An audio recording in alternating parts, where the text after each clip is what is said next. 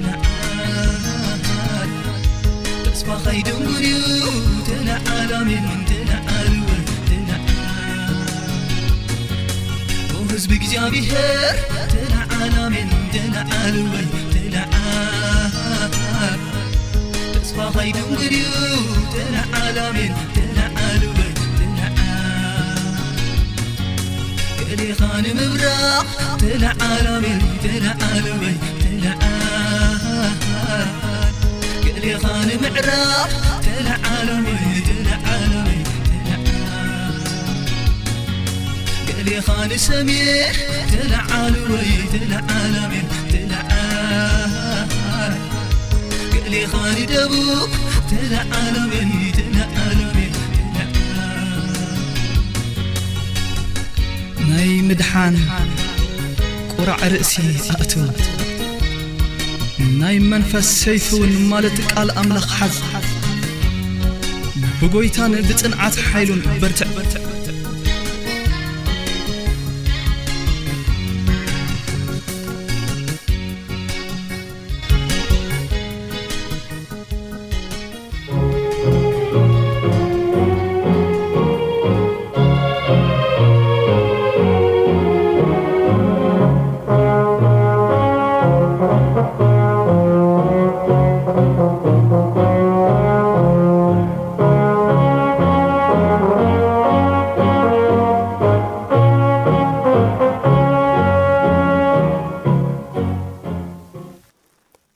ሰላም ከመይ ጽንሑ ክቡራት ተኸታተልቲ መደብና ኣብ ዝሓለፈ ብዝረኣናዮ ሓሳብ መቐጸልትኡ ሒዘ የቐሪበ ዘለኹ እግዚኣብሔር ምእንቲ ከምህረና ሕፅር ዝበለ ጸሎት ክንጽሊ ኢና ንጸሊ እግዚኣብሔር ኣምላኽና ነመስግነካ ኣለና ዓብ ኣምላኽ ስለ ዝኾንካ ተንብረና ብኣኻ ንዋሳወስን ንንቀሳቐስን ንነብርን ስለ ዘለና ተመስገን ሕጂ ድማ ቃልካ ከፊትና ኣብ ንጽንዓሉ እዋን ንስኻ ምሳና ኩን መሃረና ኣስተውዒልና ምንባር ንኽእለሉ ጸጋ ድማ ኣብዝሓልና ብጐይታና መድሓናን የሱስ ክርስቶስ ስም ኣሜን ከም ዝከር ኣብ ዝሓለፈ ናይ ቃል ግዜና ዝረኣናዮ ኣርእስቲ ነቲ ዝረኣዮ ሓው ዘየፍቅሮስ ነቲ ዘይረኣዮ ኣምላኽ ከፍቅሮ ኣይከኣሎን እዩ እሞ ንሓዉ እናጸሎስ ንኣምላኽ እፍቅሮ እየ ዝብል እንተሎ ንሱ ሓሳዊ እዩ ዝብለና እዚ ተርእስትና ከም ዝከር ኣብ ዝሓለፈ እዚ ሓሳብ እዚ ከም መሰረት ወይ ድማ ከም መእተዊ ክኾነና ቁፅሪ ዓሰርተ ትሽዓተ ዘሎ ሓሳብ ኢና ርኢና ኔርና። ንሱ ድማ እንታይ እዩ ዝብል ንሱ ቀደም ኣፍቂሩና እዩሞ ንሕና እውን ነፍቅር ኢና። ስለዚ ንሱ ኣፍቂሩና እዩ ስለ ዘፍቀርና ብተብዓት ናብ ዝፋን ጸጋ ነቕረብ ምእማንና ነጽንዕ ድሌታትና ዘበላኡ ነቐርብ ንሱ ቀረባ እዩ ቀረባ እዩ ንጽውዕዎ ድማ ፍቓዶም ይፍጽም እዩ ንዝፈርዎ ድማ ፍቓዶም ይፍጽም እዩ ዝብል ሓሳብ ኢና ርኢና ነርና ሞሎሚ ኸዓ እግዚኣብሄር ፍቕሩ ዝገለጸሉ ዓብይ መንገዲ ብወዱ ብክርስቶስ የሱስ እዩሞ ኣብኡ ኢና ክንርኢ ማለት እዩ ዝተወሰነ ሓሳብ ኣብ እብራን ምዕራፍ ክልተ ፍቕዲ 1ሸተ ብዛዕባ ወዱ ክነገረና ከሎ ኣብ ዝሓለፈ ውን ተናኻኺፍናዮ ነርና ኢና ወዱ ኢየሱስ ክርስቶስ ከም ዝመጸ፣ ዙፋኑ ገዲፉ፣ ክብሩ ገዲፉ ከም ዝመጸ መጽሓፍ ቅዱስ ይዛረበና እዩ። እሞ ክዛረብ ከሎ ኣብ እብራን ምዕራፍ 2 ፍቅዲ 17 ከም ዝብል ሓሳብ ኣሎ። ስለዚ ነቲ ሓጢኣት ህዝቢ ምእንቲ ኸተዓርቕ ብናይ ኣምላኽ ዘበለ ደንጋጽን እሙን ሊቀ ካህናት ምእንቲ ክኸውን ብኹሉ ነቶም ኣሕዋቱ ክመስሎም ተገብኦ ይብለና። መልክዕ ባርያ ወሲዱ መጺኡ ንዓና ንኸድሕን ብኹሉ መንገዲ ንዓና መሲሉ ዝሓለፍናዮ ኩሉ ፈተናታት እዩ ሓሊፉ ብኩሉ መልክዕ ንዓና መሲሉ እዩ ንሕና ክንወድቀሉ ንክእል ሓጢኣት ንሱ እውን ናይ ሙዳቅ ፕሮባብሊቲ ነይርዎ እዩ እሞ በዚ ዓይነት ፈተና ሓሊፉ ግን እንታይ እዩ ገይሩ እብራን መራፍ ኣርባዕተ ድማ እንደገና ቁፅሪ ዓሰርተ ኣርባዕተ ዓሰርተ ሓሙሽተ ኣብ ዝሓለፈ ርኢናዮ ነርና እንታይ ይብል ደጊም ይብለና መፅሓፍ ቅዱስ ክዛረብ ከሎ ብዘይ ሓጢኣት ብኩሉ ከምዚ ከማና እተፈተነ እዩ ከምዚ ከማና መሲሉ ከምዚ ከማና ዓይነት ዝበስበሰ ስጋ ሒዙ ነገር ግን ብዘይ ሓጢኣት ብኩሉ ከምዚ ከማና እተፈተነ ፈተናታት እውን ከምዚ ከማና ሙሉእ ብምሉእ በፂሕዎ ክገጥመና ዝኽእል ፈተና እያዎም ካባና ንላዕሊ ተፈቲኑ ኢንፋክት ንሕናስ ብዝገበርና ኢና ንፍተን ነገር ግን ንሱ ብዘይገበሮ ኣብ ክንዲ ሰናይ ሕማቕ እናተፈድየ ኣብ ክንዲ ዝፈወሶ እናተኸሰሰ ኣብ ክንዲ ምግቢ ባሪኹ ንሰብ ዝሃበ እናተኸሰሰ እናተሃድነ ብሰብ ንክፅላእ ፕሮፓጋንዳ እናተሰርሓሉ ከቢድ ፈተና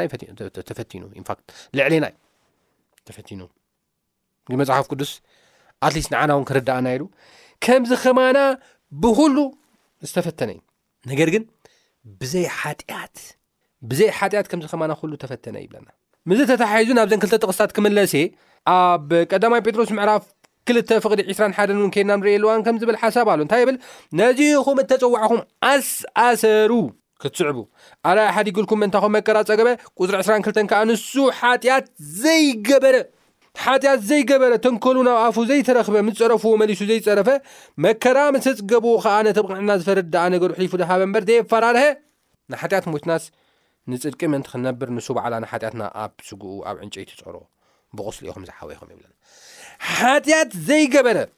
ተንኮል እውን ኣብ ኣፉ ዘይተረኽበ ምስ ጸረፍዎ መሊሱ ዘይጸረፈ መከራ መሰ ዝገበኦ ከዓ ነቲ ብቕንዕና ዝፈርድ ኣሕሊፉ ዝሃበ እምበር ዘየፈራርሀ ጎይታ እዩ ኢየሱስ ክርስቶስ ኬናም ንኢልዋ ኣብዚ ሰለስተ ዓበይቲ ሓሳባት ኢና ንርኢ ተቐዳማይ ኢየሱስ ክርስቶስ ከምዚ ኸማና ዝኾነሉ ዋና ምኽንያት ከምዚ ኸማና ኮይኑ በቲ ንሕና ንሓልፎ ፈተናታት ኩሉ ተፈቲኑ ሓሊፉ ናይ ሓጢኣት ዕዳና ክኸፍል ዘድልየሉ ዋና ምክንያት እብራያን ምዕራፍ ክልተን እብራያን ምዕራፍ ኣርባዕተን ኬና ንርኢ ኣለዋን ብፍላይ እብራያን ምዕራፍ ኣርባዕተ ዘንበብክዎ ሓሳብ ሊቀ ካህን ክኸውን እዩ ንህዝቡ ዝርህርህ ዝርዳእ ሊቀ ካህን ምእንቲ ክኸውን እዩ እግዚኣብሔር ኣብ ሰማይ ኮላ ይርዳእን ነይሩ ኣይፈልጦን እዩ ናትና ፈተና ኣይፈልጦን እዩ ናትና ሽግር ኣይፈልጦን እዩ ጥሜት ኣይፈልጦን እዩ መከራ ኣይፈልጦን እዩ ሕማም ኣይፈልጦን እዩ እቲ ውግእን ወረ ውግእን ኣይፈልጦን እዩ ትስ ናይ ሰብ ውዲታት ይፈልጦ እዩ እግዚኣብሔር ኩሉ ዝፈልጥ ኣምላኽ እዩ መፅሓፍ ቅዱስ ኣብ ቀዳማ ዮሃንስ ምዕራፍ ኣርባዕተ ብዚ ሒዝናዮ ዘለና ምዕራፍ ከድና ብ ንሪእየኣሉዋን ንሱ ካብ ልብና ይዓቢ እዩ ኩሉ ይፈልጥ እዩ ይብለና ካብ ልብና ንሕና ይፈልጥ እዩ ካብ ንብሎ ልብና ንባዕሉ ይዓቢ እዩ ንሱ ኩሉ ዝፈልጥ ኣምላኽ እዩ ይብለና መዝሙር ምዕራፍ ሚእትን ሰላሳን ትሽዓትን እውን ከይድና ኣብ ንርእየሉ እዋን ኩሉ ዝፈልጥ ኣምላኽ ምዃኑ ይዛረበና እዩ። ኦምኒሰንት ጋድ እዩ። እሞ እንተ ደኣ ነዚ ደለየ ንዓና ንኽእምን ኣእምሮና ምእንቲ ክኣምን ኢንፋክት ብዝበለጸ ድማ ከም ዝፈልጥ ንኸርእየና ተኸትኪቱ በትሪ ኣብ ነፍሱ ዓሪፉ ኣርእዩና። ስለዚ ይብለና ዕብራይን ምዕራፍ ኣርባዕተ ፍቕዲ ዓሰርተ ሓሙሽተ ከምዚ ገይሩ ካብ ርኣየና ክድንግጸልና ዘይኽእል ሊቀ ካህናት የብልናን።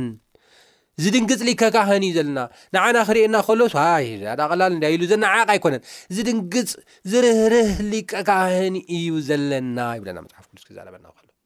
ቐዳማይ ሓሳብ እዚ እዩ። ኣብ ክንዲ ህዝቡ ቆይሙ ዝረኣ ዝርህርህ ዝሓዝነልና ሊቀ ካህን እዩ ዘለና ንሱ ድማ ኢየሱስ ክርስቶስ እዩ። እቲ ካልኣይ ሓሳብ ኣብ ቀዳማይ ጴጥሮስ ምዕራፍ ክልተ ፍቕዲ ዕስራን ሓደን ክሳብ ዕስራን ሰለስተን ዘንበብክዎ ሓሳብ ኣስኣሰሩ ምእንቲ ክትስዕቡ እዩ ዝብለና ኢየሱስ ክርስቶስ ናብዚ መጺኡ መከራ ዝጸገበ፣ ዝተሸገረ፣ ዝጠመየ፣ ዝቖረረ፣ ኩሉ ፈተናታት ዝበጽሖ ኣስ ኣሰሩ እሞ ማለት ብዘይ ሓጢኣት እዚ ኩሉ እኳ ናተፈተነ ብዘይ ሓጢኣት ብዘይ ተንኮል ምንባሩ ኣስ ኣሰሩ ብጽድቂ ምንቲ ክንስዕብ እዩ ዝብለና መጽሓፍ ኢንፋክት ኣብ ቀዳማ ዮሃንስ ምዕራፍ ክልተ ፍቅዲ ሓጠ ኣቱም ደቀየ ይብለና ንዓና ክዛረበና ከሎ ሓጢኣት ምእንቲ ከይትገብሩ እዚ ፅሕፍልኩም ኣለኹ እዩ ዝብለና ዮሃንስ ሓጢኣት ክትገብሩ የብልኩምን ጸጋ ንዓክወትኩም ብጸጋ እኳ ተደሓንኩም ጸጋ ግን ሓጢኣት ንክትሰርሑ ዝተዋህበ ፍቓድ ኣይኮነን ብዘይ ሓጢኣት ንክትነብሩ ዝፅውዕ እዩ ትፀጋ ኣምላኽ እዩ ዝብለና ዘሎ ኣስኣሰር ክርስቶስ ሓጢኣት ኣይገብር ንስዋትኩም ን ሓጢኣት ከይትገብሩ ኢንፋክት ደቂ ሰባት ይኹም ማንም ሓጢኣት ተገበረ እንተሎ ግን ጠበቃ ባቦ ኣለና ንሱ ድማ የሱስ ክርስቶስ ዝፃደቕ እዩ ስለዚ ንሱ ንሓጢኣትና መተዓረቂ እዩ ብናይ ሓጢኣት ኩሉ ዓለም ደኣ እምበር ብናይ ሓጢኣትና ጥራሕ ኣይኮነን ስለዚ ወዲቅኩም ኣይተትረፉ ድማ ይብለና ካልኣይ እቲ ዋና ኣልቲሜት ጎሉ ግን ሓጢኣት ከይትገብሩ ተጠንቀቑ እዩ ዝብለና መፅሓፍ ቅዱስ ኢንፋክት ምስዚ ኣታሒዘ እታ ሳልሰይቲ ነጥበይ ኣብ ቀዳማ ዮሃንስ ምዕራፍ ሰለስተ ፍቕዲ ዓሰርተ ከይድና ንርኢ ኣለዋን ከም ዝብል ሓሳብ ኣል ፅድቂ ዘይገብር ንሓዉ ዘየፍቅር ካብ ኣምላኽ ኣይኮነን ይብለና እንተ ደኣ ጽድቂ ዘይንገብር ኰይንና፣ ንሓውናን ዘይነፍቅር እንተ ዀይንና፣ ካብ ኣምላኽ ኣይኰናን። ውሉድ ኣምላኽ ውሉድ ድያብሎስን በዚኦም ዝግለጹ ይብለና። ጽድቂ ክንገብር እዩ እግዚኣብሄር ዝጽውዓና። ናብቲ ዝቕጽል ሓሳብ ናብ ቀዳማ ዮሃንስ ምዕራፍ 4 ፍቕዲ 11 ኸይድና ኣብ ነንብበሉ እዋን ኣቱም ፍቑራተይ ይብለና ብዛዕባ ፍቕርኻ ክንርኢ ከለና። ስለዚ ጽድቂ ክንገብር ከም ዘለና ብዘይ ሓጢኣት ክንነብር ከም ዘለና እቲ ኣልቲሜት ጎል እቲ ዋና ሽትኡ እዚ ከም ዝኾነ ፈሊጥና ብጽድቂ ክንነብር ከም ዘለና ተረዲና ካብዚ ብምቕጻል ቁጽሪ ዓሰርተ ሓደ ከኣ ኣብ ቀዳማይ ዮሃንስ ምዕራፍ ኣርባዕተ ዓሰርተ ሓደ እቲ ዋና ሓሳብና ኣብዚ እዩ ዘሎ ኣቱም ፍቑራተይ ኣምላኽ ከምዚ ገይሩ ካብ ኣፍቀረናስ ንሕና ነንሕድና ክንፋቐር ይግብኣና እዩ ይብለና እቲ ዋና ሓሳቡ ነንሕድና ክንፋቐር ኣለና እዩ ዝብል ዘሎ ቅድሚኣ ዘላ ግን ወሳኒት ነጥቢ ኣላ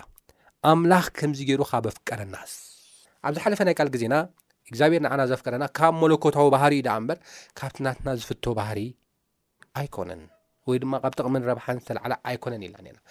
ሕጂ ብዚ ከዓ ኣምላኽ ከምዚ ገይሩ ካብ ኣፍቀረና ሲ ነንሕድና ክንፋቐረ ኣለና ይብለና ስለዚ ንዓና ንሕድሕድና ንክንፋቐር መልዓሊ ዝኾነና ወይ ድማ መበገሲ ዝኾነና ፍቕሪ ኣምላኽ ደኣ እምበር ናይቲ ሰብ ማንነት ኣይኮነን ናይቲ ሰብ ዝገበረልና ውዕለት ኣይኮነን ዘመድ ኣዝማድ ስለ ዝኾነ ኣይኮነን ፍቕሪ ኣምላኽ እዩ መበገሲ ዝኾነና ንሓደ ሰብ ንኸነፍቅር መበገሲና እግዚኣብሄር ንዓና ስለ ዘፍቀረና ንኸድሕነና ከዓ ሓደ ወዱ ስለ ዝሃበ እዚ እዩ መበገሲና እዩ ዝብል ዘሎ መፅሓፍ ቅዱስ ክዛረብ ከሎ መበገሲና እዚ እዩ ካብዚ ተበጊስና ኢና ንካልኦት ከነፍቅር ዘለና እዩ ዘሎ ኢንፋክት ኣብ ዮሃንስ ወንጌል ምዕራፍ 13 ፍቅሪ 34 ከድና ውና ንሪኦ ኣለዋ እንታይ ይብል ንሕድሕድኩም ክትፋቐሩ ከምቲ ኣነ ዘፍቀርኩኹም ከምኡ ጌርኩም ንሕድሕድኩም ክትፋቐሩ ሓድሽ ትእዛዝ ዝበኩም ኣሎ ከምቲ ኣነ ዘፍቀርኩኹም ጌርኩም ንሕድሕድኩም ተፋቐሩ ኣነ ፍቂረኩም እየ እሞ ንሓውኹም ንብፃይኩም ድማ ነስኹኩም እንታይ ግበርዎ ኣፍቅርዎ ነንሕድኩም ከምቲ ኣነ ዘፍቀርኩኹም ጌርኩም ኣፍቅርዎ በቃ ኣነ ስለ ዘፍቀርኩም ንዕውን ኣፍቅርዎ ከመይ ገይረ የፍቂረኩም ኣነ ውዕለት ርኤ ጥቕሚ ርኤ ረብሓ ርኤ ኖ መበገሲ ዝኾነ ናተይ መለኮታዊ ባህሪ ከም ዝኾነ ናትኩም መበገሲ ከዓ ካብቲ ኣባይ ዝረኣኹሞ ፍቕሪ ክኸውን ኣለዎ ከምቲ ኣነ ዘፍቀርኩም ገይርኩም ይኹም ከዓ ንዑ ከተፍቅርዎ ዘሎ ውሽ ብፍፁም ፍቕሪ ኹም ከተፍቅርዎ ዘለኩም ብዘለኣለማዊ ፍቕሪ ብኣካ ፓው ዝበሃል ዘላለም ፍቕሪ ብኣምላኻዊ ፍቕሪ ኹም ከተፍቅርዎ ዘለኩም ኢሉ ፃውዒት የቕርበልና ማለት እዩ መፅሓፍ ቅዱስ ከድና ክንሪኦ ከለና ማለት እዩ ኣብዚ ሓደ ዝሕተት ሕቶ ኣሎ ንሱ ድማ ኣብ ሉቃስ ምዕራፍ 1 ፍቕዲ 39 ሓደ ርእሱ ከጽድቕ ኢሉ ዝሓተቶ ሕቶ ማለት እዩ እዚ ሰብ እዚ ፈላጢ ሕጊ እዩ መምህር እዩ ኣይሁዳዊ ብደንቢ ኣፍልጦ ዘለዎ እዩ ንየሱስ ክርስቶስ ሓቲትዎ የሱስ ክርስቶስ መሊስሉ ምስ መለሰሉ ደሓር እቲ ፈላጢ ሕጊ እቲ መምህር ሓደ ወሳኒ ዝኾነ ጽብቕቲ ሕቶ ሓቲትዎ ኢንፋክት ንርእሱ ንኸጽድቕ ፈላጢ ንምባል ኢሉ ይሓትዎ ግን ትኽክለኛ ሕቶ እዩ ሓቲትዎ እንታይ ኢሉ ሓቲትዎ ንሱ ግና ርእሱ ከጽድቕ ኢሉ ብጻይካ ክርስቶስ ከምቲ ዘፍቀረካ ጌርካ ፍቅር እዩ ትእዛዝ ዘሎ ንሕድና ክንፋቐር እቲ ሓውኻ ሓፍትኻ ክተፍቅር እዩ እቲ ጻውዒት ዘሎ እሞ ካብኡ ዝሓተቶ ሕቶ ክንርኢ ከለና ግን እንታይ እዩ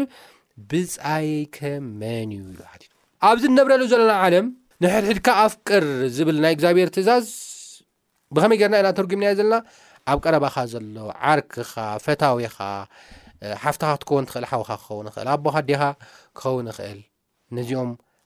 ኣብ ከባቢኻ ዘለዉ ዝገብሩልካ ትገብረሎም ሰባት ንዕኦም ኣፍቅር እዩ ዝብል ዘሎ በዚ ገርና ኢና ንትርጉሞ ነገር ግን ንሶም ጥራሕ ድዮም ብመልክዕ ኣምላኽን ብምስሊ ኣምላኽን ተፈጥሩ ንዕኦም ጥራሕ ክነፍቅር ዲና እግዚኣብሄር ፅዋዓና ዘሎ ዝብል ሕቶ እዚ ወዲ ወይ ድማ ሰብኣይ ብዝሓተቶ ሕቶ ምላሽ ዝረኸበ ሕቶ እዩ። እንታይ ኢሉ የሱስ ክርስቶስ? የሱስ መሊሱ በለ፣ ሓደ ሰብኣይ ካብ የሩሳሌም ናብ ያሪኮ ክወርድ ከሎ ኣብ ኢድ ከተርቲ ወደቐ። ገፈፍዎን ከትከትዎን ዳርጋ ሙት ገይሮም ከዓ ገዲፎሞ ኸዱ ኮነ ከዓ ሓደ ካህን በታ መንገዲ እቲኣ ክወርድ ከሎ ርእይዎ ሓለፈ ከምኡ ድማ ሓደ ሌዋዊ ኣብ እታ ቦታ እቲኣ ምስ በጽሐ እናረኣየ ሓለፈ። ሓደ ሳምራዊ ሓላፊ መንገዲ ግና ናብኡ መጸ፣ ምስ ረኣየ ኸኣ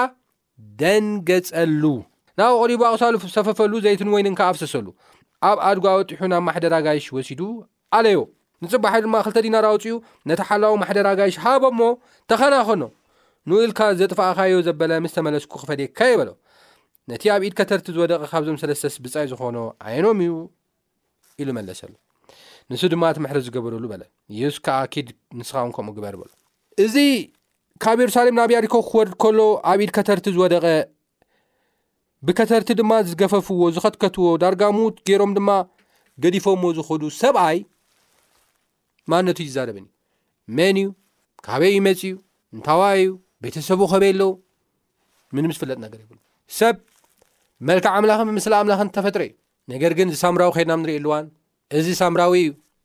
ወዲ ዓደ እዩ ስለዚ ንወዲ ዓደይ ኣነ ዘርእይ ስለ ዝኾነ ከልዕሎ ኣለኒ ኢሉ ይሓሰብን ምክንያቱ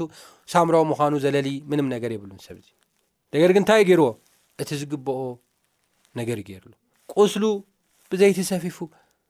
ንክሓዊ ገይሩ ናብ እንዳ ሕክምና ወሲዱ ተንካ- ተኻናኸኖ ኢሉ ከፊሉ ዋጋ ከፊሉ ዘውፀካ ካልእ ወፃእታት ተሃልዩውን ኣነ እንደገና ክከፍለካ ኢሉ ከም ተንከባኸቦ ኢና ንርኢ ብዚ ሓሳብ እዚ ማለት እዩ ስለዚ ተቀዳማይ ሓሳብ ኣብዚ ሓሳብ እዚ ብፃይካ እቲ ብመልክዕ ኣምላኽን እቲ ብምስሊ ኣምላኽን እተፈጥረ ወዲ ሰብ ደኣ እምበር ብፃይካ ሓፍትኻ ወይ ሓውኻ እቲ ፅቡቕ ዝገበረልካ ዓርክኻ ወይ ድማ ትገብረሉ ዓርክኻ ኣይኮነን ንሱ ጥራሕ ኣይኮነን ካብዚ ሓሊፉ ብጻይ ካብ መልካ ኣምላኽን ብምስሊ ኣምላኽን ዝተፈጥረ ወዲ ሰብ እዩ ብጻይካ ማለት እዩ ንኹሉ ከነፍቅር ንኹሉ ንክንሓሊ ንኹሉ ድማ ከምታ ክርስቶስ ገይሩ ዝሓብሐበና ክንሕብሕብ ፃውዒት ቀሪብልና ኣሎ ማለት እዩ ሎሚ ብ ኢትዮጵያ ኮነ ብ ኤርትራ ኣጠቓላሊ ኣፍሪቃ ኣብ ዓለም እውን ዘለኹም ረዲታትና ትከታተሉ ኣሕዋትን ኣሓትን ብዙሓት ንእግዚኣብሔር ነፍቅር ኢና ይብሉ እዮም ንብል ኢና ኢትዮጵያ እውን ከምኡ ንኤርትራ እውን ሓዊስካ ሬሊጅስ ካንትሪስ ወይ ድማ ናይ ሃይማኖት ዓድታት ካብ ዝበሃላ ሃገራት እየን ተርታ ተሰሊፈን ዘለዋ ሃገራት እየን ንእግዚኣብሄር ቅንኣት ኣለና ኢሎም በብእምነቶም ንእግዚኣብሄር ዘለዎም ፍቕሪ ብዝተፈላለየ መንገዲ እዮም ዝገልጹ ንግሆ ነጸላ ተኸዲኖም ቁርን ዝናብን ጭቃን ከይከልከሎም ናብ ቤተ ክርስትያን ይኸዱ ንእግዚኣብሔር ዘለዎም ፍቕሪ ንምርኣይ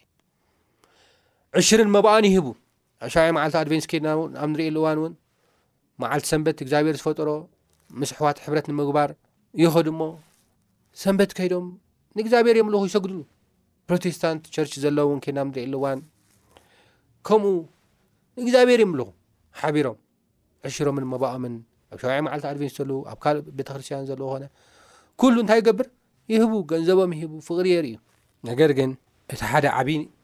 ጸገም እንሪኦ ኣብዚ ዓዲ እዚ ኮነ ኣብ ኤርትራ ከምኡ እውን ካልእ ዓለም እቲ ሓደ ዓቢ ጸገም ኮይኑ ዘሎ ነገር ግን ተሃለወ እንታይ እዩ ንብጻይ ግን ኣየፍቅርን እዩ ነቲ ብመልክዕ ኣምላኽን ብምስልን ዝተፈጥረ ወዲ ሰብ ግን ኣየፍቅርን እዩ ክርኳሕ እዩ ንሓዉ ክርኳሕ እዩ ንሓፍቱ ክርኳሕ እዩ ነቲ ብመልክዕ ኣምላኽን ብምስልን እተፈጥረ ወዲ ሰብ ነዚ ናይ ሎማ ርእስና ንኣምላኽ ኣፍቅሮ እየ እናበለ ንሓዉ ዝጸልእ ንሱ ሓሳዊ እዩ ዘለና